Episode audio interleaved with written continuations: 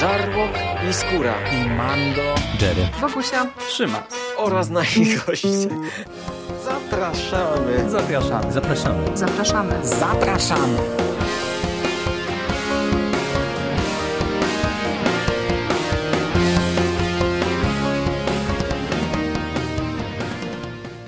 Dzień dobry, dobry wieczór. Tak, ta chwila w końcu nadeszła po e, czterech potężnych odcinkach. Dziś mm, wysłuchacie już ostatniego e, odcinka z serii e, z pytaniami i odpowiedziami, które zaprezentowaliśmy Wam na rocznicę, na czwartą naszą rocznicę. No i kontynuujemy pytania od Łukasza. Na wstępie pierwsze pytanie. Czy Skóra i Sik nagrają kiedyś wspólny podcast? Wydaje mi się, że ze skórą niedługo nagramy jakiś podcast. Mm, u mnie trochę brakuje czasu na nagrywanie, bo, bo nagrywamy wieczorami, ale um, albo brakuje czasu, albo brakuje siły, bo miałem bardzo mocno aktywny dzień. A to wchodzą późne godziny wieczorne zawsze w grę, jeżeli chodzi o nagrywanie ze skórą. Um, moja córka ma, zalicza właśnie skok rozwojowy i um, zrobiło się bardzo problematyczne spanie nie wiem co więcej powiedzieć, no przez cały, cały, cały dzień, całe funkcjonowanie się poodwracało. I, i po takim wieczorze, gdzie, gdzie jest, jest histeria związana ze spaniem, gdzie jest um, usypianie jej kilkadziesiąt minut, gdzie jest problem z kąpielą, e, po prostu się już nie chce siadać do nagrywania. Um, ale prawda jest też taka, że mm, ze skórą mieliśmy wiele okazji do nagrania i to zazwyczaj z mojej winy mm, te nagrania nie chodziły do skutku, bo no po prostu tak jest, że to jest jednak dla mnie hobby. Nie, nie traktuję tego jako pracy zarobkowej i y, moment, kiedy mam usiąść zmęczony do nagrywania, zniechęcony, e, to, to jest dla mnie nieporozumienie ja tego nie robię po prostu. A druga sprawa, że ja też nie nagrywam w weekendy. No, w weekendy staram się nie nagrywać. Weekendy są dla rodziny, do odpoczynku, także do mnie poniedziałek, piątek. Tak, nagramy kiedyś podcast. No, nagraliśmy już jeden podcast, na przykład w lesie dziś nie zasie nikt. No, jeszcze był tam Mando. To nie wiem, czy ci się to zalicza, czy ci się to nie zalicza. Planujemy nagrać jeszcze podcast o wczesnych filmach Richarda Stanleya, czyli Hardware i Dust Devil, w ramach przygotowań do ekranizacji reżysera tego H.P. Lovecrafta Kolor z przestworzy. Ja również obejrzałem w tym celu antologię horroru Teatro Bizarro z 2011 roku, gdzie tam również jest e, Richarda Stanleya krótki film. Jaki jest wasz stosunek do muzyki disco polo? Disco polo? Nie, nie lubię. Disco polo nie lubię. To nie jest mój rodzaj muzyki. Ja bardziej e, wolę mm, rockową rockową nutę.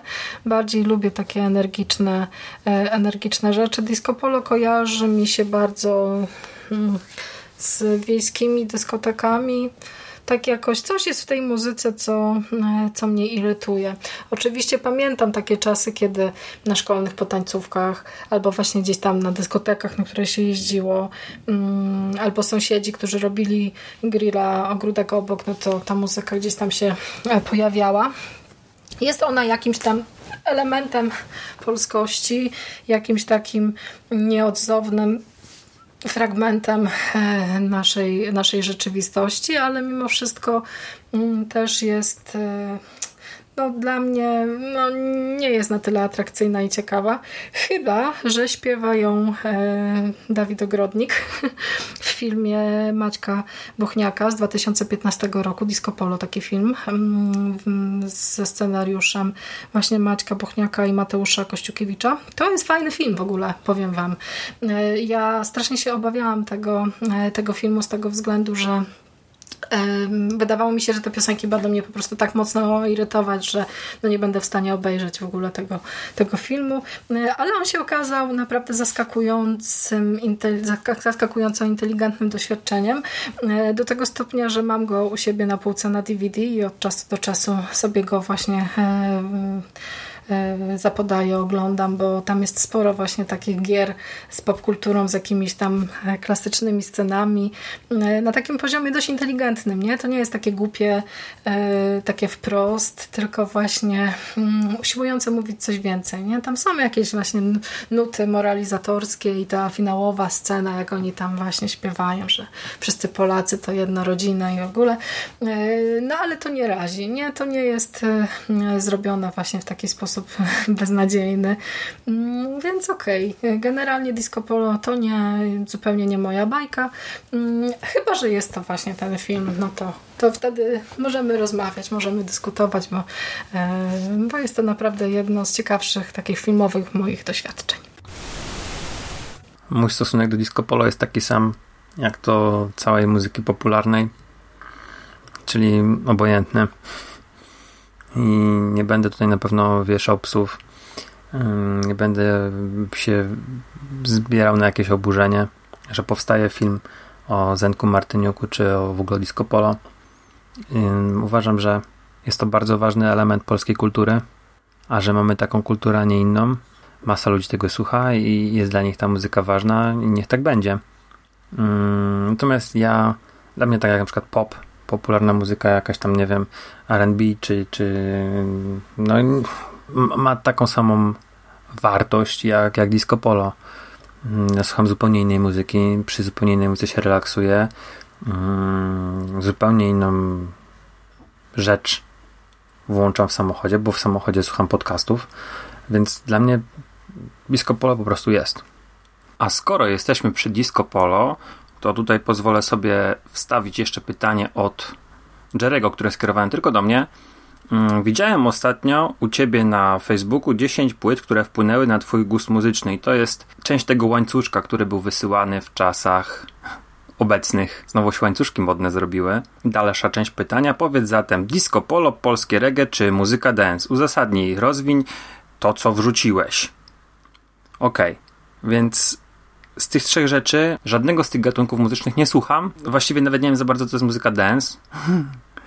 Polskie reggae znam chyba tylko z płyty Abradaba Czerwony Album z tej kolaboracji z Gutkiem i Disco Polo, no to też, tak jak wspomniałem, nie słucham, ale gdybym miał wybrać te trzy rzeczy, no to chyba to muzyka dance bo, bo lubimy sobie z córką potańczyć i myślę, że przy tym by dało radę. A jeżeli chodzi o te płyty, to wrzuciłem rzeczywiście 10, które najbardziej wpłynęły na mój gust muzyczny i to było w takiej kolejności Kaliber 44 w 63 minuty dookoła świata, e, albumy oba pierwsze Slipnota, czyli nie ten demo, tylko Slipknot, Slipknot i Slipknot Iowa, Limp Bizkit, Chocolate Starfish, no a sześć kolejnych to była muzyka z gier. Mm, Deus Ex Human Revolution, album z muzyką do Hotline Miami, albumy do siódmej i dwunastej części Final Fantasy, muzyka do Shadow of Colossus i rzeczywiście to, ten ostatni to nie jest do, do gry, tylko do anime, e, do anime Bleach. I tak, żeby wyjaśnić, e, gdzieś tam w okresie podstawówki zacząłem się fascynować polskim hip-hopem, właśnie ze sprawą kalibra 44. To, to, był to dosyć długi okres fascynacji. Mm, u mnie w domu słuchało się bardzo różnej muzyki, głównie ciężkiego rocka, ale też y, gdzieś tam pojawiał się Cypress Hill, I może rzeczywiście na tej liście powinien być jakiś album, album Cypressów, na przykład zamiast tego mm, Limbiskit albo któregoś z soundtracków. Natomiast na pewno ten album Kalibra spowodował, że w ogóle na moim radarze pojawił się coś takiego jak polski hip-hop i polscy wykonawcy, których w końcu mm, po kilkunastu latach gdzieś tam zacząłem słuchać, kupować płyty, czytać o tym. Może nie byłem mm, znawcą, ale tych, tych e, wykonawców koniec lat 90., początek 2000 znałem i obecnie w ogóle nie wiem, e, co się dzieje na tym, na tym poletku. Gdzieś tam czasami coś, coś do mnie e, dociera, ale to raczej z tego mainstreamu. I Wydaje mi się, że to był e, ważny moment, ta płyta, bo w ogóle właśnie na radarze pojawili mi się polscy wykonawcy. Limbiski to było przejście znowu w ten trochę cięższy e, rejon muzyki. Oczywiście ktoś może się zaśmiać, prawda, bo Limbiski ciężko nazwać ciężkim, ale chodzi mi raczej o, o gitarowe riffy, mm, muzykę e, metalową. I mimo, że właśnie u mnie w domu słuchało się ciężkiej muzyki, takiej klasycznej, Deep Purple, Led Zeppelin, ZZ Top, ten, ten rozstrzał był bardzo duży, bo, bo szczerze to, to nawet nie pamiętam e, tych wszystkich wykonawców, które moja miała na analogach, ale sam pierwszą płytę mm, właśnie metalową to kupiłem Limbiskit i e, gdzieś od tego momentu zacząłem się interesować mm, tą, tym nurtem new metalu. To były jeszcze czasy, gdzie E, wychodził taki magazyn Bravo i nawet po to Bravo zdarzało mi się sięgać, żeby coś sobie znaleźć. Oczywiście masa tej, tej, tych zespołów, które tam były prezentowane, to był, był garbage, śmietnik. E, ale paradoksalnie ten album Limbiskit on był całościowo bardzo dobry. E, lekki, przyjemny. Często go zresztą do tej pory włączam na wyrywki.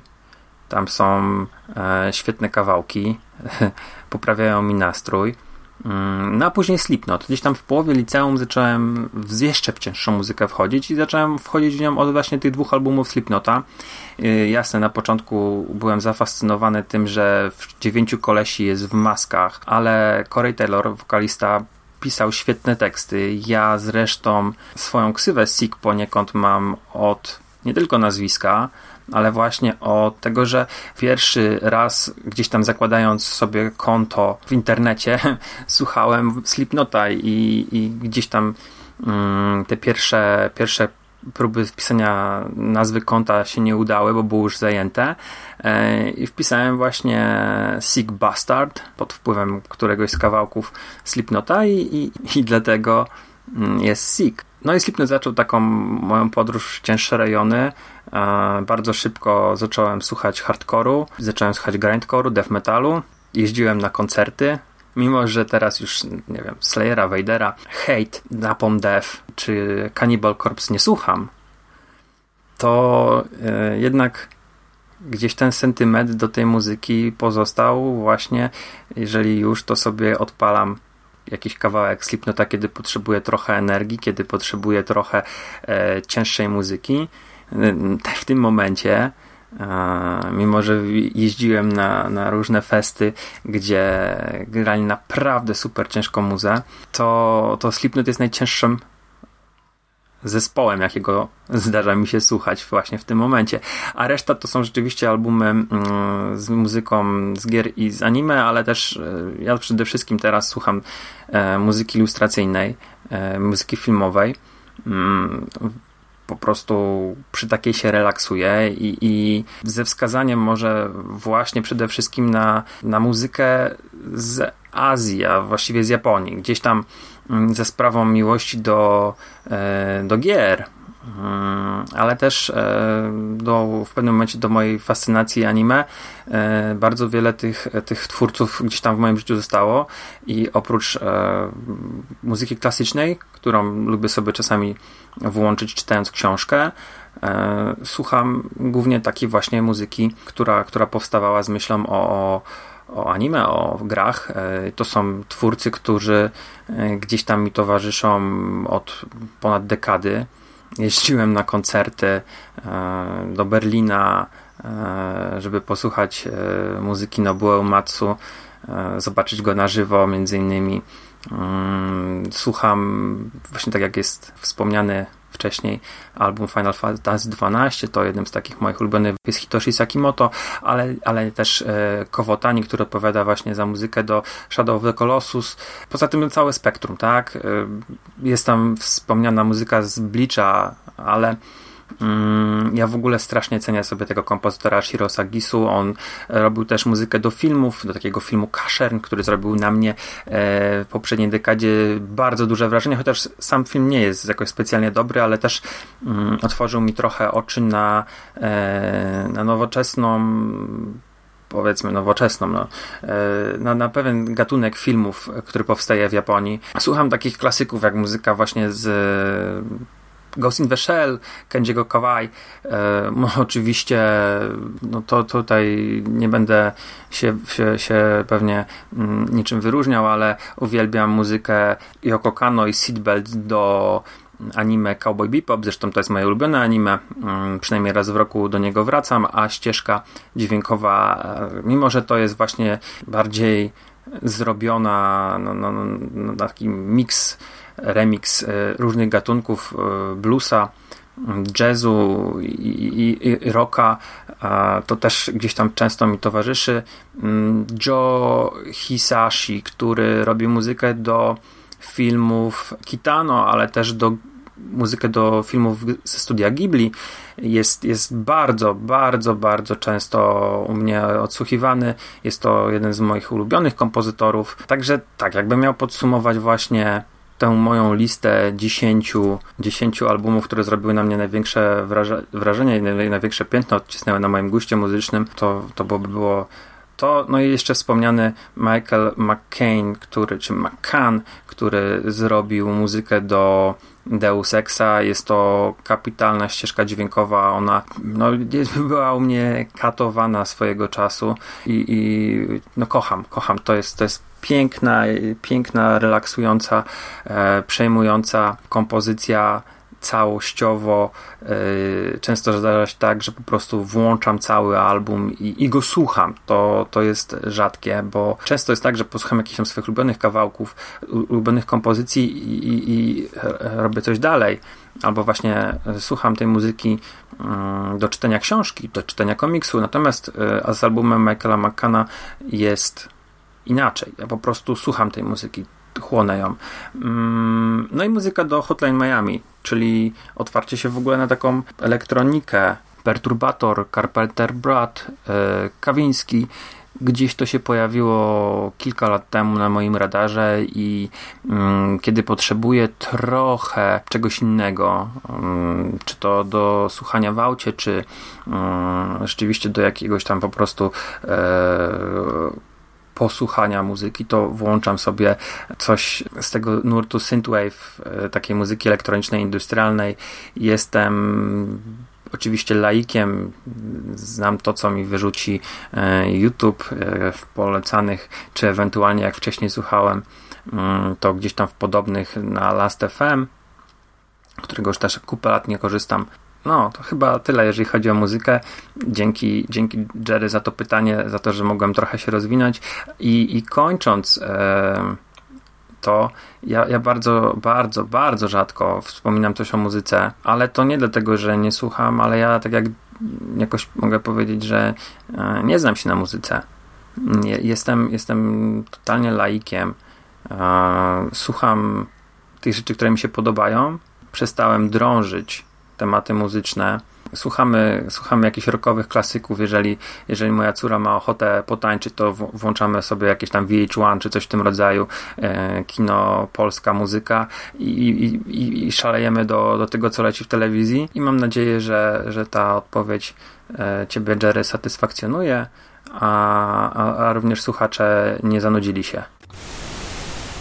O tak, no i właśnie spostrzegłem się, że mój wykład o disco polo został skasowany, bo zamiast nacisnąć rek, nacisnąłem pauza. Więc może po prostu ominiemy to i powiem, że mój stosunek do disco polo jest negatywny. Dlaczego jeszcze raz muszę nagrywać to samo? Okej, okay. muzyka dzieli się na muzykę dobrą i złą. Zwykle tak na początku przygody z muzyką yy, zaczynamy sobie katalogować. Później ja doszedłem do tego, że muzyka, nawet jeżeli jest zła, to można ją dalej dzielić na muzykę dopasowaną do sytuacji i niedopasowaną. Z tej filozofii wy, yy, wy, wyszły serie filmy zimowe, filmy wakacyjne, a w planach filmy domowe i może kiedyś filmy pustynne. Szymas zrobił ostatnio bardzo ciekawą serię filmy sąsia są, sąsiedzkie, czyli takie filmy, które, które warto oglądać u sąsiada. Znakomity żart. Natomiast zakładam, że muzyka disco polo jest jakimś zubożeniem muzyki disco, jakimś manieryzmem nałożonym na disco, gatunek, który ja doceniam i, i lubię, na przykład muzykę dyskotekową z lat 70., która była łączona z funkiem, elementami e, muzyki R&B, elementami etno, world, etc.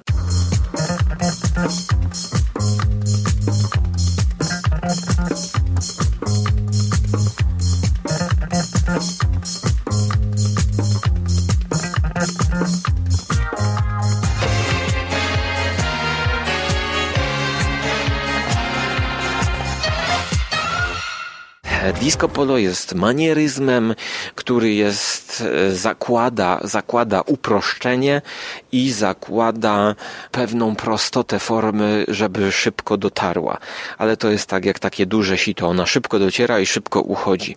I właściwie nie niesie większych przez to mm, wartości estetycznych. Zarówno w brzmieniu, jak i w kompozycji, ponieważ wszystko upraszcza.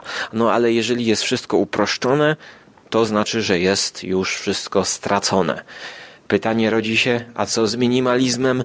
Nie będę teraz e, polemizował sam ze sobą, bo nadal mówimy o disco polo. Niestety gorzej to teraz powiedziałem niż za poprzednim razem, ale źle nacisnąłem guzik, za co przepraszam Ciebie, drogi słuchaczu, i siebie, bo drugi raz musiałem gadać to samo.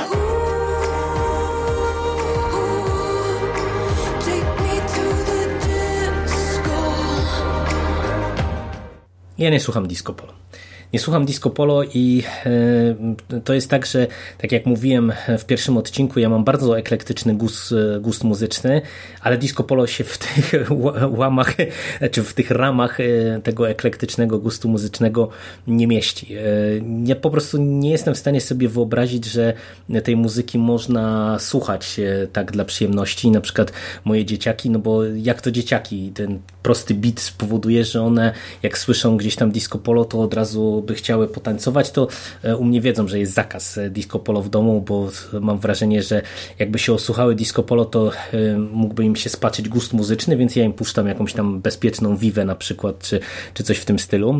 Niech tam przy jakiejś Arianie Grande skaczą to zawsze to lepsze.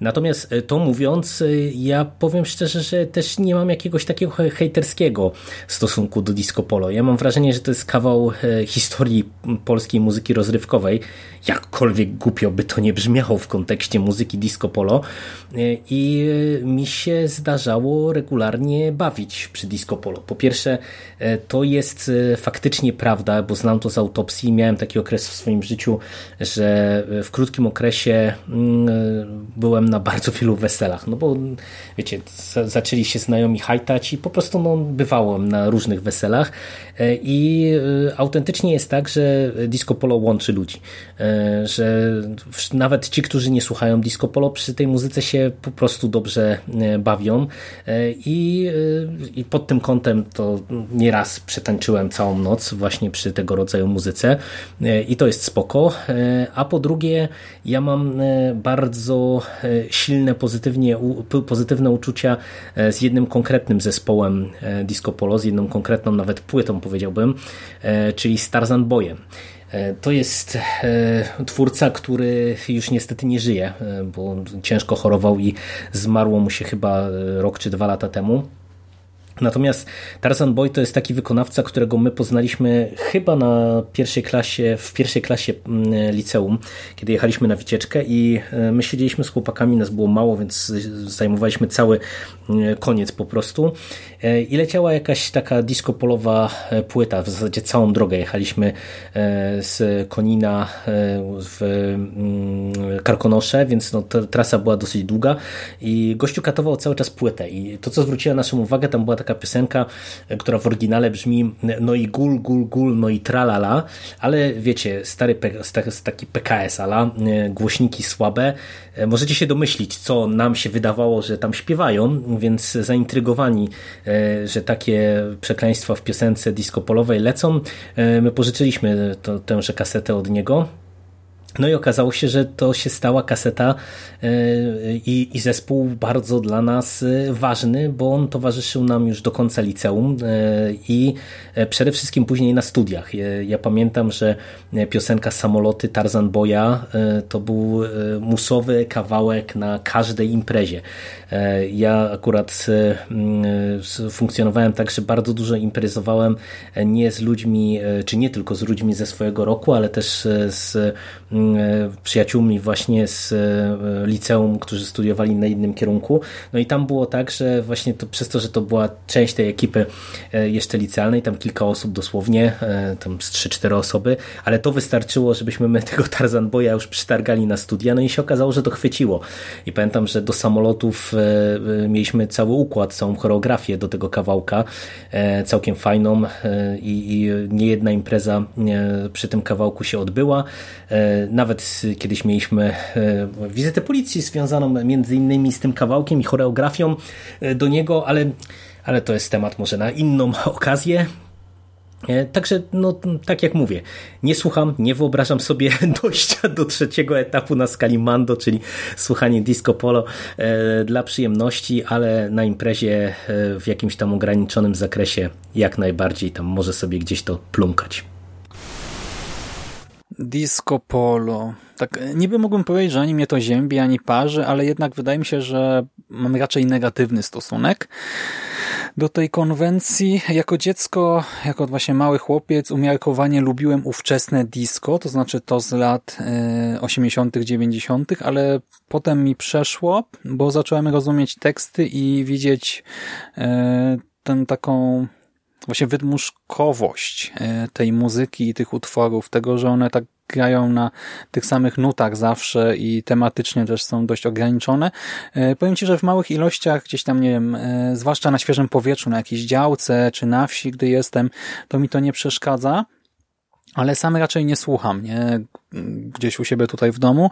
E, nie wiem, no na imprezie, w remizie, no jestem jak gdyby pogodzony z tym, że będzie e, dominować taka muzyka, jest ok, ale gdy przykładowo jechałem przez 4 godziny autem, a kierowca puszczał tylko disco i to hity z ostatnich lat, e, już z XXI wieku, no to naprawdę miałem ochotę się pociąć, nie wiem, wyskoczyć z tego auta już w którymś momencie. Tak głupio mi było się rządzić, nie? No bo byłem pasażerem i tak no głupio teraz tutaj mówić kierowcy, czego ma słuchać, ale naprawdę ja mam wrażenie, że spora doza tej muzyki e, no jest zwyczajnie kiepska, tak? Melodyjki jeszcze w porządku, tak? To jest jakoś tam rytmiczne, e, ok, E, ale już teksty no nie leżą mi. W ogóle mam wrażenie, że disco jest potwornie seksistowskie. Teledyski, tak, no to, to jest jedna rzecz, tam to widać, e, że no, no widać jak są przedstawiane płcienia, nie będę może teraz wchodził głębiej w ten temat, ale i teksty są często straszne, gdy się je zaczyna analizować.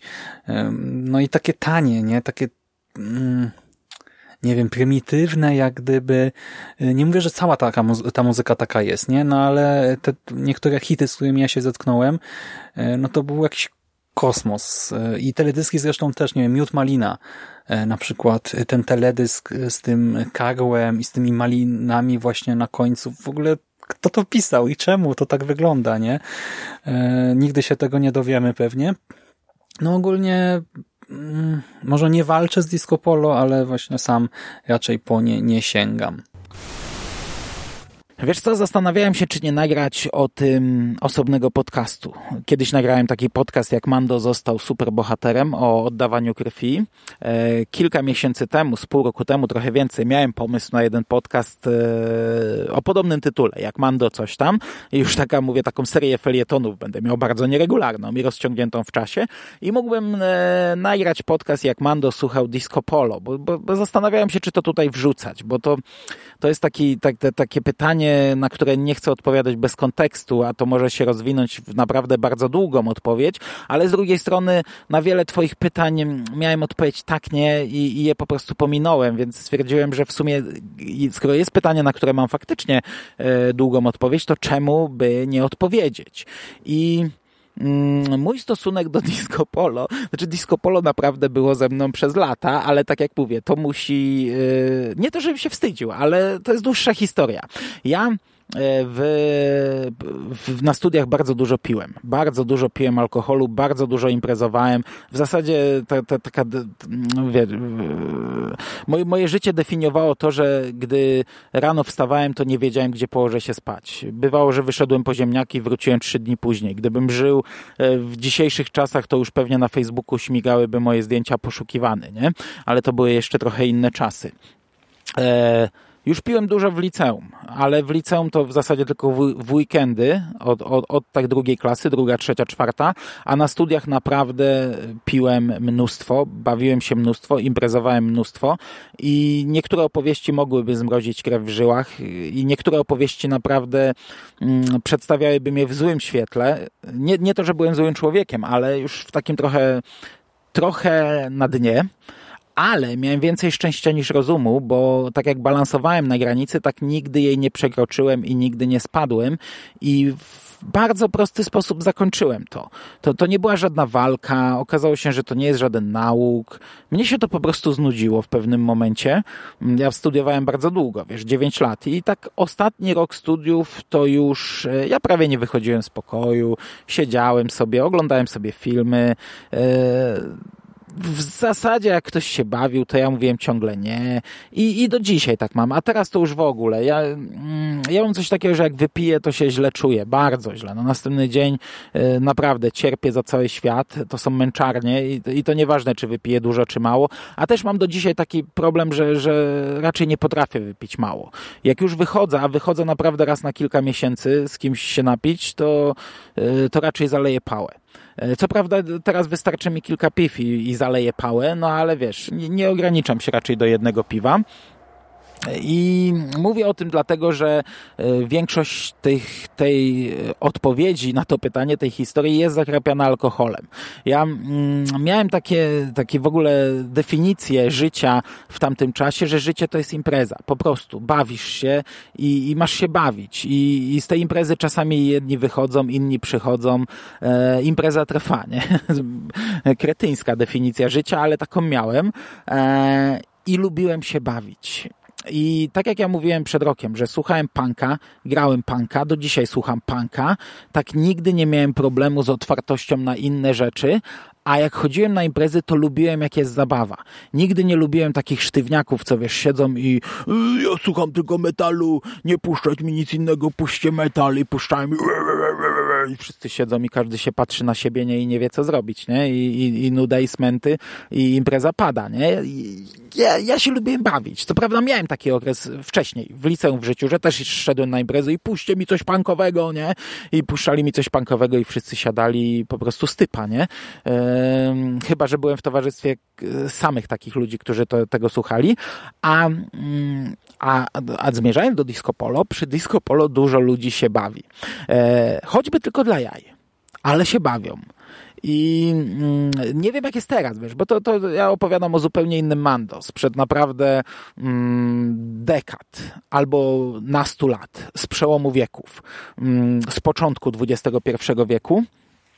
I e, mówię o takim okresie, gdzie disco polo było jeszcze naprawdę żenujące. Mm, potem e, zaczęło grać disco polo na juwenaliach, e, studenci zaczęli słuchać dla jaj, Zenek zaczął jeździć i akcent po, po właśnie dużych imprezach, ale ja mówię o okresie jeszcze sprzed tego czasu. I my nawet mieliśmy taką, tak, mówiliśmy, że, że, że słuchanie disco polo składa się z trzech etapów. Najpierw słuchasz dla jaj, potem słuchasz w ukryciu, a potem już się bawisz na całego i masz to gdzieś, nie? Na, sobie siedzisz w domu i leci dicho. I ja doszedłem do tego drugiego etapu, do tego trzeciego, przepraszam. Pomimo tego, że cały czas słuchałem punka, cały czas jeździłem na punkowe koncerty, cały czas grałem punka, to bardzo dobrze się przy tym bawiłem. Potrafiłem siedzieć w domu i znalazłem jakieś tam, wiesz, na Winampie jeszcze jakieś internetowe radio grające dicho i, i, i, i to muciłem, nie? I nagrywaliśmy na kasety, żeby mieć, jak, jak jeździliśmy na spływie, to głównie na spływach było.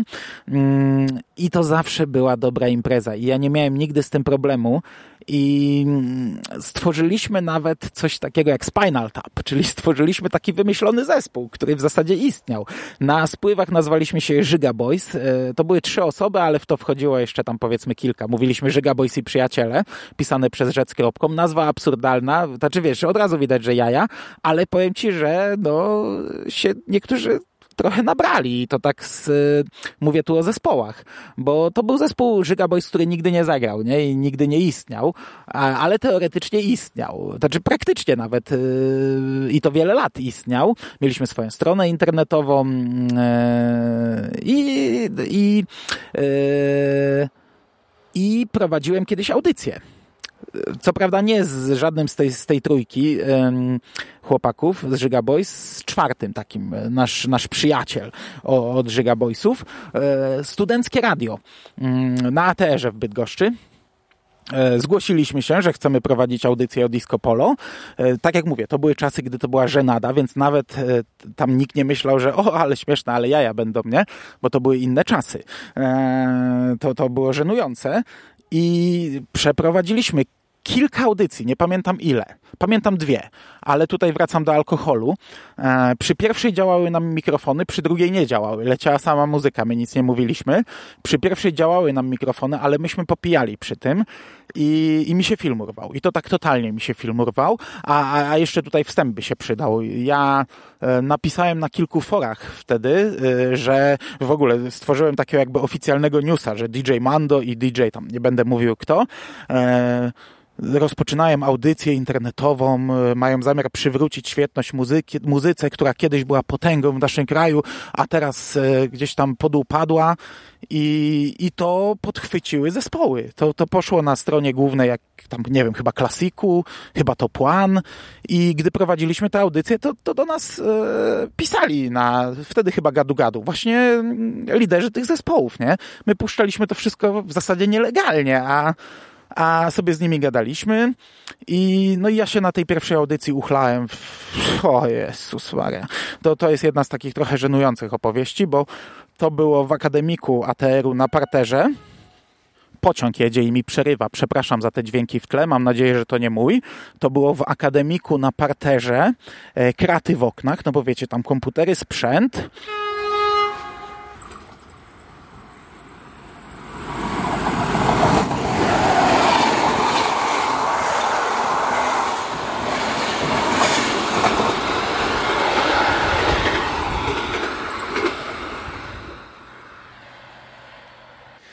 I ja pamiętam, że mi się strasznie chciało siku, bo wychlałem tego piwska sporo.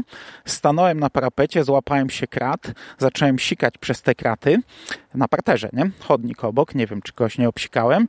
E, I to było wszystko, co pamiętam z tej audycji. Potem otwieram oczy i nagle jestem na Fordonie, mm, w zupełnie innym yy, miejscu w Bydgoszczy, gdzie mieszkałem. Siedzę na fotelu owinięty szalikiem, jest noc nie wiem gdzie jestem. Tak skończyłem audycję. Nie wiem, co za głupoty gadałem jeszcze do tego mikrofonu przez e, drugą część audycji. Możliwe, że nic nie gadałem, e, no ale to była pierwsza audycja o Disco Polo nasza, druga była bez mikrofonów. I możliwe, że w sumie ktoś nam zabrał te mikrofony.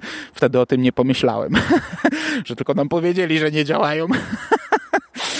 E, jeździłem na dużo koncertów bawiłem się. E, byłem chyba dwa razy na festiwalu Disco Polo w Ostrudzie, taki największy festiwal w Polsce. Mm, to mnie Sik zapytał e, o to, ile razy byłem na festiwalu, no to chyba dwa. Byłem na różnych takich mniejszych koncertach, na jakieś pikniki rodzinne, zawsze chodziliśmy, zawsze się dobrze bawiliśmy, zawsze se wypiliśmy i zawsze była fajna frajda.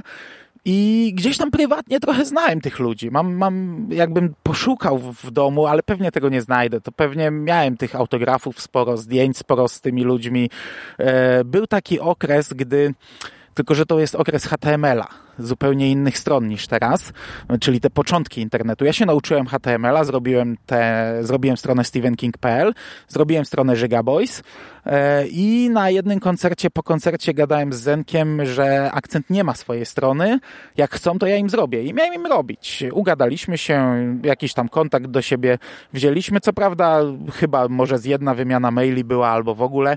Potem na innym koncercie znów z nim gadałem, że miałem mu robić stronę, a coś tam nie wyszło, coś ten I no, także miałem być autorem strony zespołu Akcent jeszcze przed tym czasem, e, gdy teraz wiecie, teraz mamy TVP, sponsoruje film o Zenku i jest to w ogóle traktowane przez ludzi jako synonim żenady. I Zenek to jest e, imię, które pada chociażby w takich momentach, gdy rujnuje się polskie radio trójkę, to, to, to w co, co dziesiątym komentarzu mówią, że teraz Zenek będzie prowadził audycję. Wcześniej on był mm, y, jako, jako ten taki śmieszny, śmie, śmieszny gość, śmieszny zespół, który się zaprasza na imprezy i ludzie się bawią i mogą to uzasadnić tym, że jest śmiesznie i się bawimy. Aha, ale jaja, nie? Się bawimy przy disco. E, a my tego słuchaliśmy, gdy jeszcze nie było tak śmiesznie. I się przy tym bardzo dobrze bawiliśmy. I to było kilka lat, no tak, sporo lat, gdzie ja naprawdę dużo tego słuchałem i się przy tym dobrze bawiłem i bardzo miło wspominam te lata. I myślę, że to jest wyczerpująca odpowiedź. Co prawda pociąg mi przerywał, więc e, mogłem trochę zgubić wątek, ale chyba powiedziałem wszystko, co chciałem powiedzieć w skrócie. Najgorszy film, jaki w życiu widzieliście, to? Najgorszy film, jaki w życiu widziałem, to prawdopodobnie Manos. Film, o którym Dawid Gryza wspominał w Kocham dziwne kino Halloweenowym. E, jest to film nakręcony przez um, sprzedawcę nawozów, który założył się, że on by potrafił nakręcić film nakręcił właśnie Manos.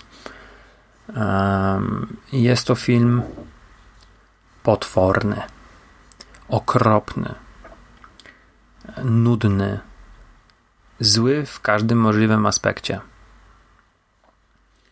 I szczerze, jak oglądam masę złych filmów, które w swoim byciu złym nagle stają się niezamierzenie śmieszne, to tutaj e, musiałbym się bardzo mocno wprowadzić w stan otępienia, żeby móc się śmiać na Manosie. Z tych filmów, które pamiętam, to jest prawdopodobnie najgorszy film, jaki widziałem. Najgorszym filmem, jaki obejrzałem w życiu, jest chyba produkcja z lat 50. pod tytułem Robot Monster. Ci, którzy mówią, że plan numer 9 z kosmosu jest najgorszym filmem, no chyba bardzo tak po łebkach wchodzą i wpisują.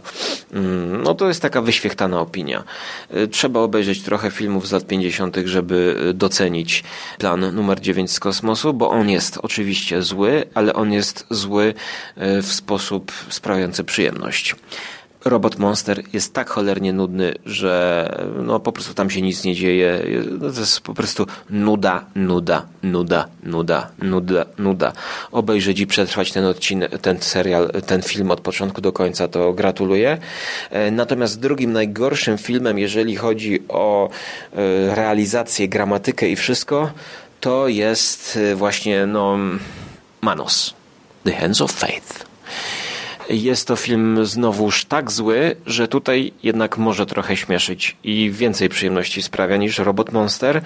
I jest znowu bardziej zły niż Robot Monster pod kątem realizacji. Tam jest więcej wpadek niż w Robot Monster, więcej kuriozów, które mogą śmieszyć, mogą dziwić, mogą zastanawiać i uczyć rzemiosła. Natomiast Robot Monster, powtarzam, jest nudny, nudny, nudny, nudny, nudny, nudny, nudny, nudny. Najgorszy film, jaki widziałem w życiu. Wiesz co, ja mam bardzo duży problem z wybraniem takiego filmu. Chyba nie umiem. E, ja oglądam bardzo dużo złych filmów, zarówno pociesznych filmów, e, pociesznie złych, jak i naprawdę bardzo, bardzo złych. E, przecież no, co roku robię maraton świątecznych horrorów i to są naprawdę filmy tak złe, jak, jak, jak wielu widzów, nawet by niewielu słuchaczy by nie podejrzewało, jak złe to są filmy. Nagrywamy co roku świąteczne horrory wielkanocne mm, i to są też zazwyczaj filmy złe, chyba że jest to Bunnyman.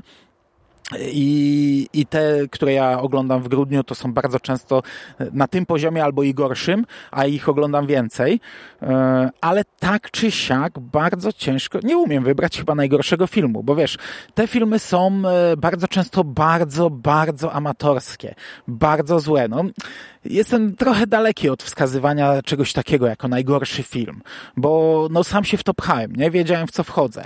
Wolałbym wybrać taki film, który mm, aspirował do bycia czymś, a okazał się czymś złym, ale ja nie przypominam sobie takich filmów, dlatego że mm, jednak mm, bardzo selekcjonuję to, co oglądam. I to jest świadome podejście i ja sobie zawsze zdaję sprawę, zazwyczaj, no, no prawie zawsze, yy, że Y, jeśli to jest złe, to ja wiedziałem o tym przed oglądaniem, że to będzie złe.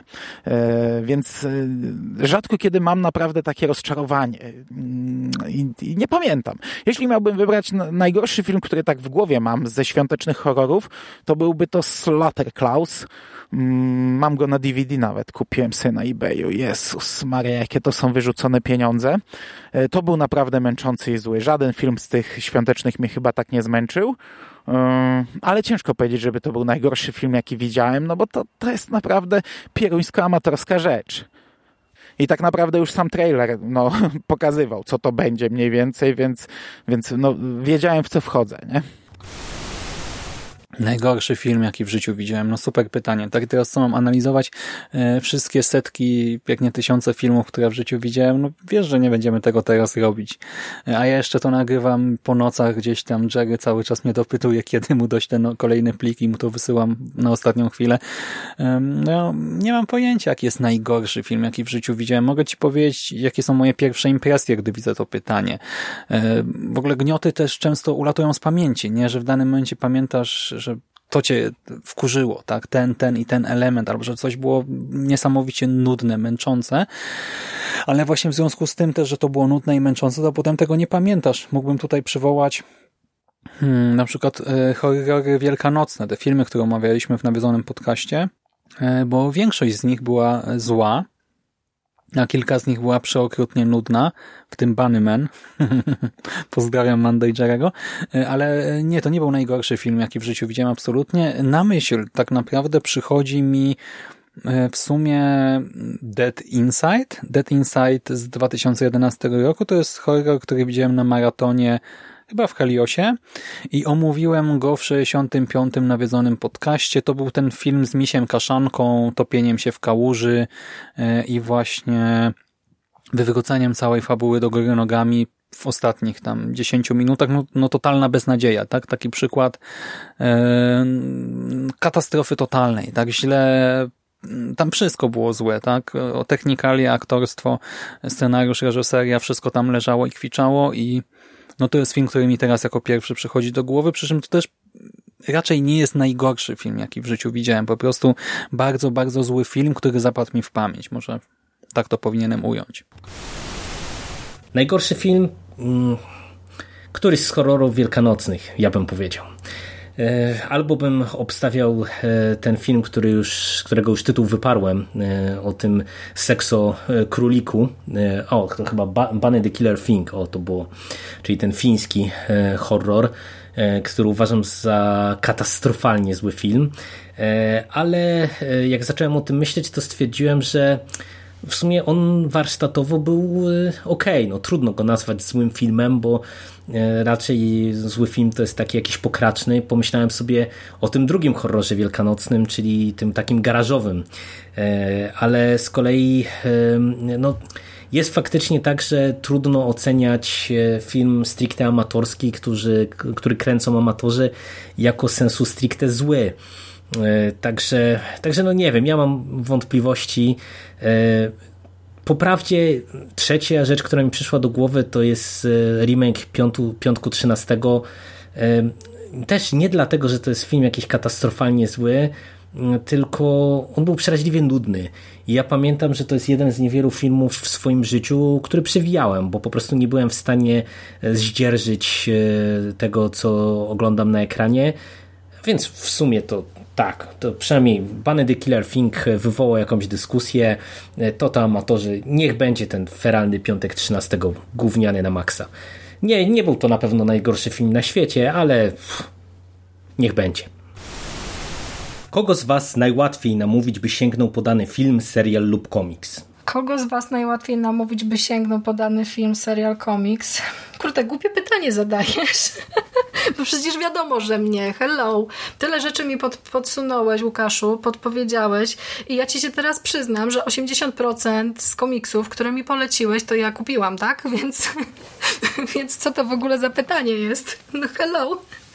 Mój portfel po prostu e, jest Ci naprawdę bardzo wdzięczny. Mój rachunek bankowy też. Niezmiernie cieszę się, że, że pojawiają się te wszystkie polecanki z Twojej strony i, e, i w ogóle. E, to jest trochę tak, że ja do pewnego stopnia nie jestem asertywna. Rzeczywiście wystarczy pokazać jakiś kadr albo na przykład napisać mi, mm, że coś jest w stylu na przykład czegoś, co mi się podoba i ja już jestem kupiona automatycznie. W przypadku seriali jest z tym niestety trochę gorzej, bo ja mam e, ograniczony czas niestety. Ja częściej, mm, częściej oglądam seriale, które mają po kilka odcinków, są krótkie, takie na przykład do połknięcia w jeden wieczór. Mm, w przypadku filmów no to spoko. Jak tylko mam mm, okazję je obejrzeć, to, to oglądam, więc chyba jestem właśnie takim materiałem bardzo podatnym na sugestie. Ale to też nie jest tak, że ja łykam wszystko, nie? To do pewnego stopnia musi się to pokrywać z moimi zainteresowaniami też. Mm, e, ty trafiłeś wiele razy, szczególnie jeśli chodzi o komiksy. E, Łukaszu, powiem Ci, że tutaj naprawdę kilka rzeczy, na które zwróciłeś mi uwagę, mm, no to okazały się faktycznie strzałem w dziesiątkę, nie? Więc tu, tutaj no dzięki mimo wszystko za to, że zrujnowałeś mnie finansowo, ale też e, zapewniłeś mm, kilka fajnych komiksów komiksowych doświadczeń. Nie no, z tym zrujnowanym finansowym to żartuję, nie? Oczywiście.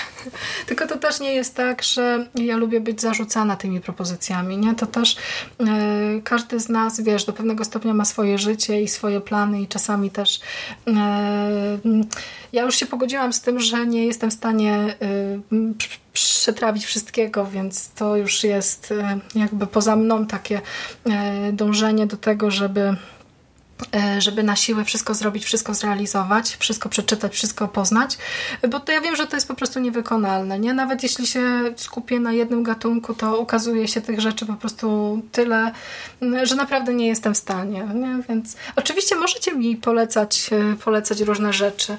E, ostatnio jedna z moich znajomych tak trochę przekornie napisała, że wiesz, ty jesteś taką, taką osobą, która lubi różne ciekawe doświadczenia i lubisz też serie filmowe, oglądałaś kiedyś Rockiego? Okazało się, że nie oglądałam. To znaczy oglądałam pierwsze dwa filmy, kiedy byłam, byłam młodsza, ale nigdy nie zdarzyło mi się na przykład tak obejrzeć od A do Z, nie? Całe, całej serii, więc obejrzałam, poszłam za jej namową jestem zachwycona, jestem w ogóle zachłyśnięta Rokim. Jakby ktoś chciał, panowie, jakby ktoś chciał nagrywać o Rokim, y, pierdyliard podcastów, to ja się piszę, nie? bo jestem po prostu to, totalnie zachłyśnięta mm, całą tą serią, więc to jest tak, że naprawdę niektóre polecenia, mm, jeśli mają sens i jeśli rzeczywiście y, trafiają w mój gust, no to spoko. Czasami też bywa tak, że y, jakaś polecanka musi trochę odleżeć, musi trochę poczekać na swój moment, bo ja y, wierzę, że czasami jest tak, że trzeba poczekać z danym filmem, z danym serialem, musi przyjść jego moment, nie? Więc to podejrzewam, że większość z tych rzeczy, które y, ty mi Łukaszu proponowałeś, to ja prędzej czy później, y, prędzej czy później i tak sprawdzę. Mm, nie wiem y, kiedy, nie wiem czy doczekają się one, wiesz, jakiegoś takiego spuentowania w formie podcastu, mm, ale na pewno jeśli uda mi się coś tam z tych twoich rzeczy wymienianych przez ciebie jeśli uda mi się coś nadrobić, no to na pewno będę do Ciebie pisać i możemy sobie wtedy e, pogadać e, w komentarzach, podyskutować. Oczywiście, jeśli będziesz miał ochotę. Także tyle z mojej strony. Bardzo Ci dziękuję za to pytanie i gorąco pozdrawiam. Hej, hej. Moim zdaniem najłatwiej namówić Mando na serial. Zresztą on niejednokrotnie zwraca się do słuchaczy o to, żeby mu jakiś serial polecili. Mm, cała reszta tak mi się przynajmniej wydaje, z nas ma mniejsze siły przerobowe, mniej możliwości konsumowania treści niż Mando. Może ja też zupełnie inne treści konsumuję, bo ja dużo gram. Mando to ogląda seriale. Natomiast ja mam tego czasu na, na popkulturę niewiele. Ten, który mam, raczej biorę treści wyselekcjonowane całkowicie przez siebie, a dlatego też nie robię żadnych zamówień pod podcasty, nie obiecuję ludziom, że coś omówię, bo zwyczajnie mam tylko swój czas i swoje pieniądze. Tyle. Kogo najłatwiej namówić? Nie wiem, nie wiem, ale ja powiem wam, żeby najlepiej nie namawiać podcasterów na omawianie czegoś. I właściwie ostatnio nad tym myślałem, zakładając, że mógłbym na przykład nagrywać codziennie jeden podcast, z wyjątkiem dajmy na to niedzieli, i, i z tego się utrzymywać z chęcią. Ale uwaga, doszedłem do tego, że podcasting ma swój charakter, dlatego, że ja sam wybieram, co oglądam, co w danej chwili mnie fascynuje i to napędza mnie do researchu, do tego, że ta pasja jakby się nie wyczerpuje, nie jest z przymusu. Bo jeżeli ktoś kazałby mi na przykład e, oglądać, teraz wchodzi jakaś seria do kina, tak jak Wiedźmin, E, zamierzam obejrzeć serial Wiedźmin. Na razie obejrzałem jeden odcinek i dalej muszę poczekać, aż przyjdzie mi po prostu ochota e, na fantazy, żeby dalej to cisnąć. A jeżeli musiałbym, obawiam się, że jakby mniej obiektywnie bym, bym podszedł do, do recenzji. Dlatego możecie namawiać, ale wydaje mi się, że to zawsze jak podcasting, ty, tym bardziej jak podcasting jest dobrowolny, to będą takie wskazówki, takie drogowskazy, które czasami mogą zachęcić jakiegoś podcastera, a czasami mogą zniechęcić, jeżeli ktoś poleci komuś coś, co jest e, dla niego B no to później podcaster od tego słuchacza już będzie bardziej sceptycznie brał polecanki e, do, do nagrania audycji. E, więc komu najłatwiej polecać? po prostu e, brać w obecnej formie to, co jest, słuchać to, na co macie ochotę. No nie chcę, żeby to zabrzmiało hamsko, samolubnie jakoś ze strony podcastera, Chociaż, chociaż, chociaż, no to też zależy, rzeczywiście. No na przykład ostatnio e, polecił mi e, komiks e, Hubert. Hubert po prostu dał mi informację jako taką, nawet nie mówiąc, że żebym nagrywał o tym, albo czy nagram, czy nie, tylko dał mi informację, która była dla mnie wartościowa, że jest taki komiks. Patrzę, kurde, dopiero od niego się o tym dowiedziałem. No, okej, okay, kurde, chcę to mieć. A mowa o górach szaleństwa. Więc to też jest sposób po prostu powiedzieć, że coś takiego jest. E, ostatnio też dowiedziałem się od jednego ze słuchaczy, że jest już w Polsce wydany ten bodajże brazylijski czy chilijski rysownik, który po swojemu też ekranizuje Lovecrafta. Więc jakby też y, Słuchacz jako źródło informacji może być bardzo pomocny, y, bo zna podcastera swojego i wie, co może mu podpowiedzieć, y, bo no, teraz tyle jest informacji, że y, coś może umknąć. I wielokrotnie tak było, że dowiadywałem się właśnie od słuchaczy, że coś wyszło, bądź jest coś w planach.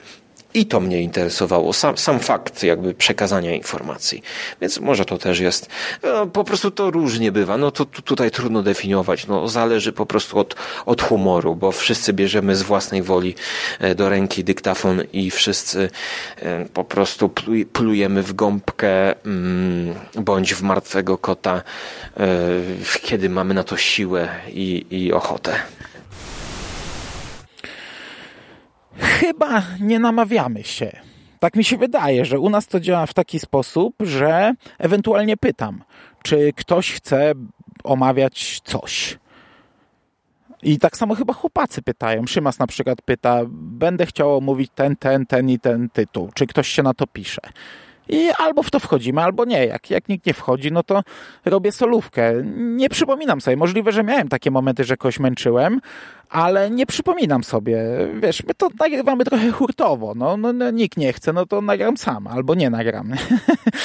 Zazwyczaj e, ja, ja raczej kojarzę, że mamy problem w drugą stronę. Że, że wychodzi coś i nagle się okazuje, że jest pięciu chętnych, a czasu nie ma, żeby się spotkać, albo na przykład jest to tytuł, który absolutnie nie jest tytułem na pięcioosobową dyskusję i wtedy ktoś rezygnuje. Mm, także na takiej zasadzie to działa, ale raczej nie ma, żebym jakoś namawiał. Chyba, że bardzo tego chcę, ale trochę sobie nie przypominam takiej sytuacji. Łukaszu drogi, i ty serio myślisz, że ktoś ci odpowie na takie pytanie uczciwie? Że ktoś ci się przyzna? Tak byś potem taką osobę po prostu męczył, męczył i zamęczył? No ja nie, mnie na pewno nie najłatwiej namówić. E, a jak reszta, no to niech sami się wypowiadają. No mnie na pewno nie, ale to już wiesz.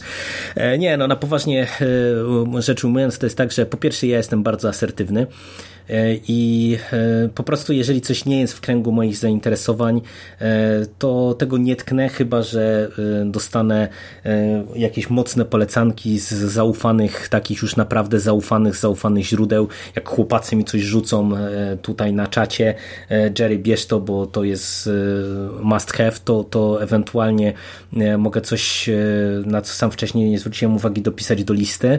Natomiast takich polecanek ogólnych ja raczej nie tykam, y, bo y, to, to nie jest tak, że to dlatego, że jestem tutaj niegrzecznym draniem, żeby nie użyć mocniejszych słów, chociaż pewnie jestem, ale to jest związane też z tym, że my żyjemy w absolutnym przesycie kultury nie, nie tylko popkultury, tylko kultury.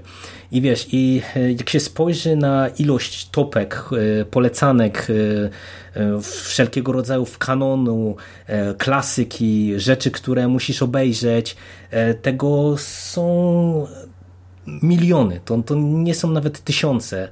I po prostu jest tak, że ja w którymś momencie zacząłem się wyłączać.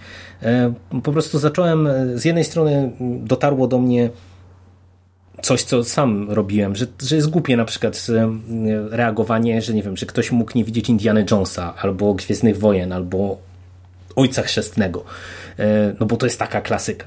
E, no, e, zacząłem to rozumieć, bo po pierwsze nagle zacząłem się spotykać z ludźmi gdzieś tam z rodziny czy z uznajomych, którzy się urodzili na przykład w latach 90. i dla nich Indiana Jones to już była jakaś zamierzchła przeszłość i, i tego nie oglądali. A po drugie, właśnie zrozumiałem, że tak jak ja nie znam klasyki kina z lat, nie wiem, 80., 70., filmów często ważnych, tak właśnie ludzie nam późniejsi, młodsi nie znają tego, co dla mnie było jakimś tam kanonem.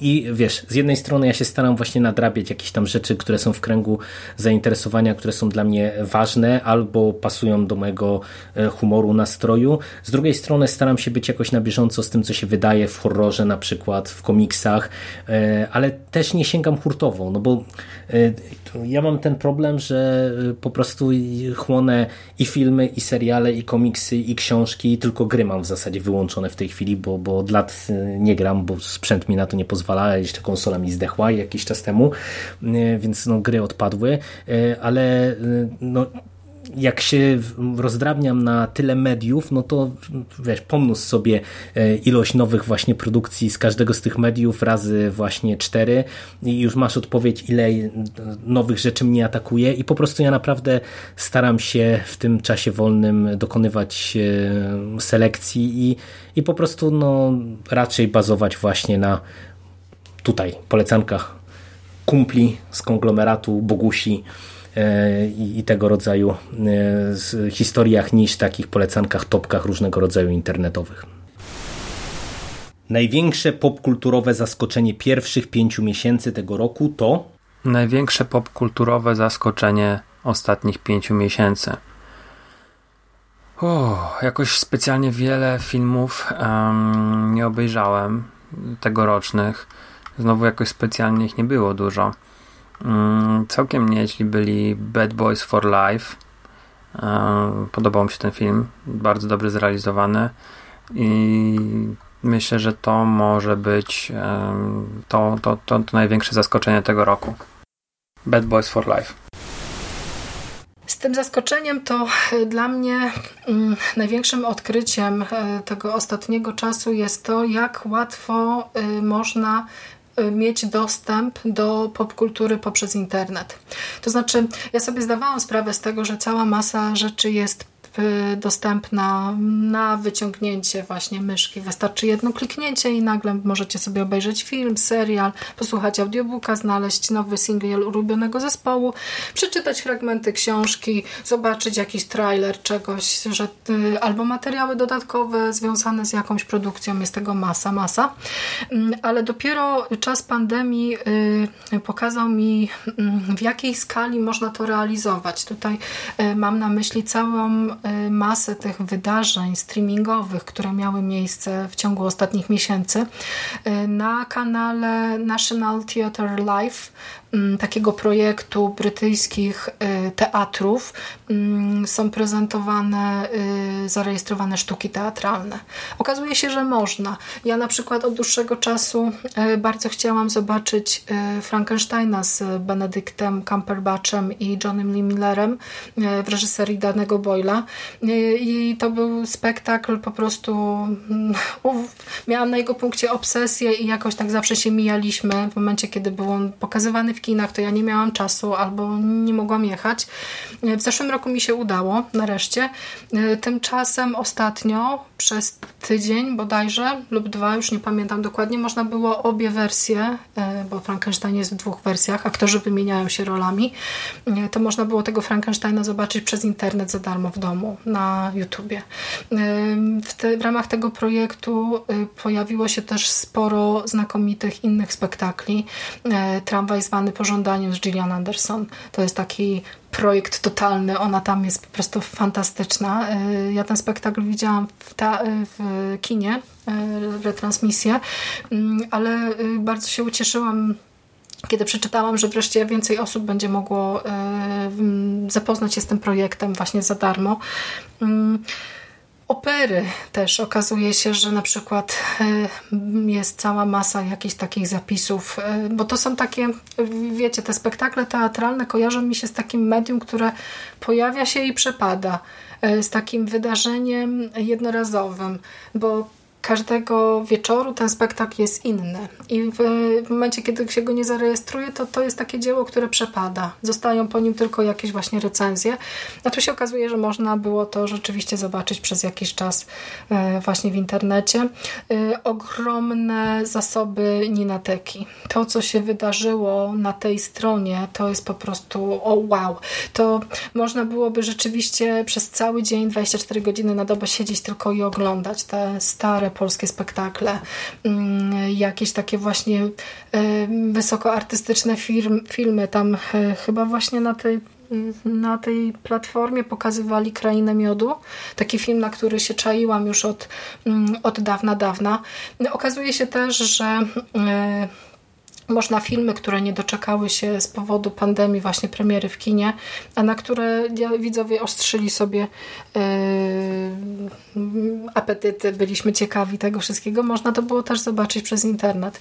Sporym zaskoczeniem była dla mnie premiera yy, na Netflixie yy, W lesie dziś nie zaśnie nikt, bo to był yy, rzeczywiście taki projekt, który yy, był dość konkretnie wyczekiwany przeze mnie i byłam ciekawa właśnie jak Polakom uda się zrobić slasher.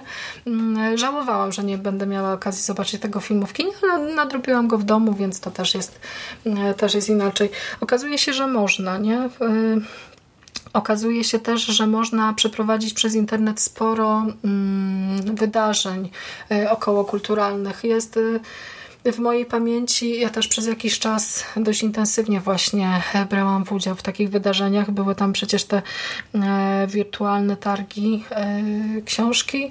Mm, były też właśnie takie e, spotkania autorskie przez internet, gdzie wiecie, przez dwa dni na przykład były takie bloki po kilka godzin rozmów z, z pisarzami na żywo, można było zadawać pytania. Mm, to jest naprawdę fantastyczne doświadczenie. Nie do pewnego stopnia y, zastępowało mi właśnie ten brak wydarzeń kulturalnych, y, w których ja dość intensywnie uczestniczyłam. Ten miniony rok to było takie apogeum. To się moi znajomi nawet śmiali, że y, jeżdżę na wszystko, co mi tylko przyjdzie do głowy, tak bym robiła zapasy na lata. No okazało się, że widzicie, zrobiłam zapasy i i przydały się one, bo e, ten początek roku jest ciężki pod, pod kątem właśnie różnych mm, kulturalnych wydarzeń. Także zaskoczenie roku, no po raz kolejny e, udowodnił mi, udowodniono mi to, że technologia może być e, rzeczywiście narzędziem, które ułatwi dostęp do kultury, do popkultury. I to jest miłe zaskoczenie, to jest fajna konkluzja, także pod tym kątem rzeczywiście y, cieszę się, że miałam udział, mia, miałam okazję brać udział w różnych takich wydarzeniach online. Oczywiście to nie jest zupełnie inna energia, y, to jest zupełnie inna energia niż przy takim y, wydarzeniu e, twarzą w twarz, na żywo, y, ale do pewnego stopnia rzeczywiście zastępowało mi ten głód był e, zaspokojony, więc, e, więc okej. Okay. Chyba nie o to pytasz, e, ale dla mnie takim zaskoczeniem jakoś związanym e, z popkulturą to był wpływ e, pandemii na szeroko pojętą kulturę, bo tak jak oglądamy masę filmów post-apo, czy o zombie, czytamy takie też książki, gramy w takie gry, nie obcujemy z taką rzeczywistością gdzieś tam w kulturze, tak ja osobiście nigdy się nie zastanawiałem nad tym, jak taka jak w naszym przypadku, stosunkowo krótka, tak, i jeszcze wybiórcza kwarantanna może wpłynąć na rynek książki, komiksu, gier i e, no, tego typu działalności. E, I okazało się, że ten wpływ jest ogromny, także nagle pojawiają się jakieś przytasowania na rynku, że są wstrzymywane te wszystkie premiery i to nie tylko na przykład kinowe, tak, bo wiadomo, że do kina ludzie nie pójdą, ale że ogólnie masa rzeczy e, nagle zostaje przekładana, zmieniona, tak przerobiona przystosowana jakoś do tych nowych warunków. I że tak jak niektórzy sobie potrafią z tego wybrnąć. E, tak inni na przykład e, totalnie się gubią w tej sytuacji, no i też e, nagle jak wiele zależy od decyzji osób rządzących, które to decyzje, jak wiemy, nie zawsze są racjonalne, a czasami są wręcz surrealistyczne i cały ten system naczyń połączonych, nie? To jest coś, co dla mnie było dość fascynujące i miałem takie momenty, że sobie czytałem artykuły po prostu na temat właśnie działalności wydawnictw teraz w tym okresie w Polsce czy za granicą, E, czy właśnie na temat rynku gier e, i to, czy też samej produkcji na przykład e, konsol, komponentów do komputerów. Mm, no to jest ciekawy, myślę, całkiem temat, a jeżeli chodzi o jakieś takie zaskoczenie na zasadzie książka, film czy coś takiego, co mnie zaskoczyło, to chyba nie było niczego takiego w tym roku, co mm, jakoś by mi zapadło tak mocno w pamięć. Było tego trochę. E, na pewno, e, jeżeli chodzi o komiks, to mega pozytywnie e, zaskoczył mnie, mówili na niego Karol, bo nie zakładałem, że ten komiks mnie tak kupi, bo w ogóle nie wiedziałem, że powstanie, a się okazało, że był fantastyczną rzeczą. Stwierdziłem później, że filmowo może nie oszlifowane diamenty, ale czy to było zaskoczenie? Tak naprawdę no, od dłuższego czasu dochodziły słuchy, że to będzie sztos i, i no i był. I tak jak zacząłem o tym myśleć, to, to chyba Bad Boss for Life ja nie będę się tu rozwodził, bo mówiłem o tym raz, drugi, trzeci w przekastach. Nie spodziewałem się po tym filmie nic, a okazał się świetnym kawałem blockbustera. Także póki co to, to było najprzyjemniejsze zaskoczenie tego roku moim zdaniem. Czy zdarzyło się w historii Konglo, abyście kogoś zbanowali, usunęli jakiegoś trola? Nie, my nie mamy troli siedzimy w popkulturze, a nie w polityce. E, także nikt nas e, nie denerwuje na tyle, żebyśmy musieli go zbanować. Także nie.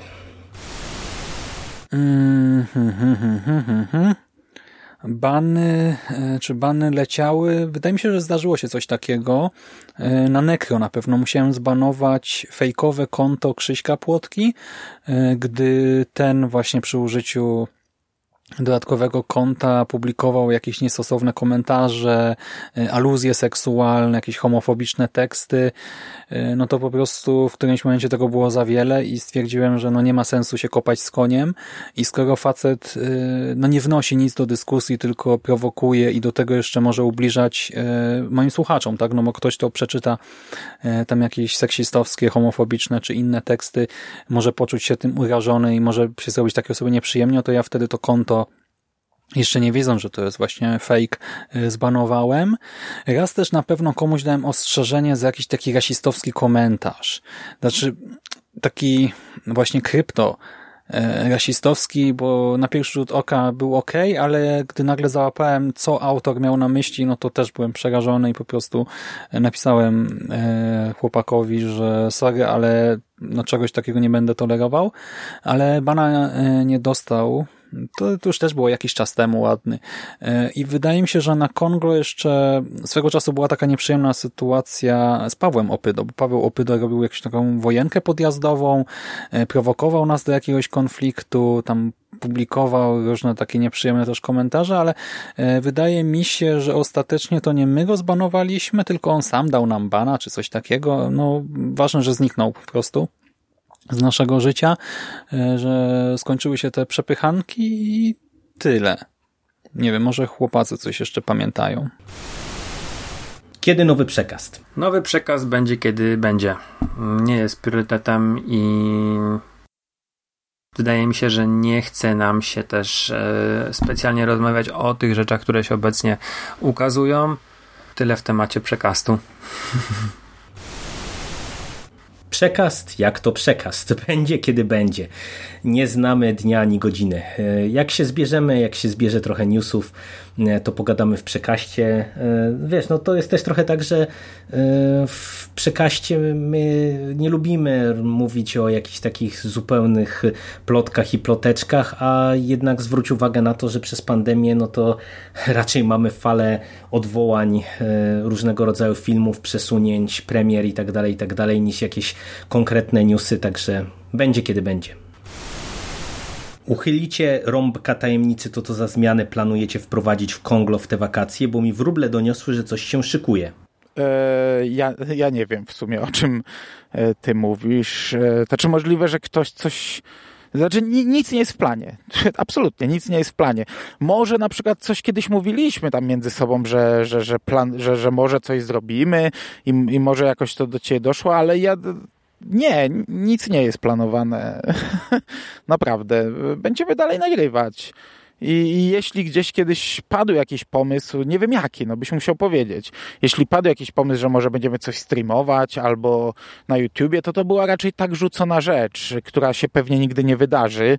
Ehm, także nie, będzie takie same konglo, jakie było. Ja absolutnie nie mam badego pojęcia, jakie, jakie zmiany będą wprowadzane we wakacje na Konglo, więc e, bardzo, bardzo, bardzo chętnie e, posłucham odpowiedzi e, Mando, Szymasa, Jerego, Skóry i Bogusi, bo oni może coś wiedzą. Także jestem, jestem bardzo, bardzo happy, żeby, żeby posłuchać takiej właśnie odpowiedzi o tych zmianach, bo ja siedzę, siedzę w próżni, nic mi nie mówią. Pytanie czternaste. W Konglo w wakacje planujemy wprowadzić cztery podcasty dziennie od każdego podcastera, czyli będzie łącznie tam 5 razy 4, 20 podcastów dziennie od każdego podcastera, ponieważ chcemy mieć wakacje od wolnego czasu. Łukaszu, a powiedz mi, czy nie nawiązujesz przypadkiem do naszej rozmowy na privie, w której ja ci o czymś tam wspominałem? Bo jeżeli tak, to um, gaduło jedna, tak? E, no ja wspominałem o tym też wczoraj, chyba tak, wczoraj w odpowiedzi na jedno z pytań Franka. E, mam plan zrobienia właśnie czegoś nowego, świeżego powiedzmy, e, no ale jak się uda, to się uda, tak? Kiedy będzie, wtedy będzie, bo to jest jednak czasochłonne i wymaga mm, no wymaga pewnych przygotowań. Tak tego się nie zrobi tak po prostu, że się usiądzie i się to zrobi, tylko będzie potrzeba Już nieważne, bo za dużo powiem. tak trzeba się będzie do tego przyłożyć.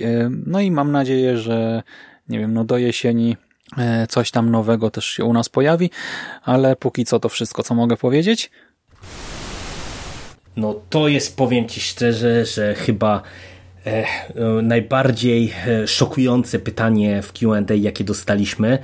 E, I zanim odpowiem Ci na to pytanie, to chciałbym się dowiedzieć, skąd Ty masz takie informacje poufne? Cóż to za wróble doniosły Ci, co się szykuje na konglomeracie, bo myślę, że będziemy musieli tą osobę, tego kreta usunąć tutaj z naszego składu redakcyjnego. A tak na poważnie, ja nie mam pojęcia o czym ty mówisz. Serio. E, serio, nie, nie wiem, nie wiem. E, my od w zasadzie miesięcy nie planujemy naprzód e, niczego, bo po prostu nasze życie wyglądają tak chaotycznie, że często jest trudno umówić się na nagranie na tydzień czy dwa do przodu, więc na pewno nie przypominam sobie, żebyśmy cokolwiek planowali w okresie wakacyjnym specjalnego, a już jakieś tam większe zmiany to, to w ogóle. Także, także nie, naprawdę, wytłumacz się z tego pytania, bo ja nie lubię tego rodzaju pytań, na które nie jestem w stanie e, nawet skleić w głowie odpowiedzi, e, bo coś nam tutaj sugerujesz, co nigdy nie miało miejsca. Więc wytłumacz się, skąd takie pytanie. Kiedy planowany jest powrót Nekro? Wielki powrót Nekropolitana, czy Nekropolitanu Wielki powrót bloga Necropolitan planowany jest na jesień 2019 roku. Ewentualnie na grudzień 2019, no w ostateczności na styczeń, luty 2020, a już tak najpóźniej na pierwszy dzień wiosny. No chyba, że naprawdę już by się nie dało, no to wtedy na majówkę 2020 powinno się udać wrócić. Ewentualnie na urodziny Kongo, czyli na 16 czerwca 2020, no to wtedy już tak ostatecznie myślę, no jakoś tak. Tak, o tym też mówiłem, ale to chyba dwa dni temu w tym pierwszym odcinku Q&A. Eee, czy trzy dni temu? Trochę tego było. Eee, w każdym razie, no, ja teraz nie chcę za bardzo planować, bo mam jeszcze kilka egzaminów do przeprowadzenia, setkę wypracowań i testów do sprawdzenia, przemeblowanie w mieszkaniu mamy do zrobienia, proces z Dąbrowskimi e, w drodze, do tego jeszcze właśnie organizację kursów wakacyjnych, milion innych różnych spraw na głowie. Jak się uda, to się uda, kiedy będzie, wtedy będzie, że się tak powtórzę. No ale mam zamiar te wszystkie zaległe odcinki nadgonić i opublikować i tyle w temacie. Tak, tym zakończmy. No, to dzięki za pytanie i miłego dzionka. Do usłyszenia. Cześć. No i cóż, moi drodzy, pytań było dużo. Mam nadzieję, że te pięć potężnych odcinków, które wam żeśmy zaserwowali, okazały się dla was interesujące, zabawne, e, ciekawe. Dowiedzieliście się czegoś więcej o nas, e, o naszym podejściu do otaczającej nas rzeczywistości. E, I cóż, dziękujemy za to wspólne świętowanie czwartej rocznicy konglomeratu. No i do usłyszenia wkrótce w kolejnych, już bardziej standardowych odcinkach. Cześć!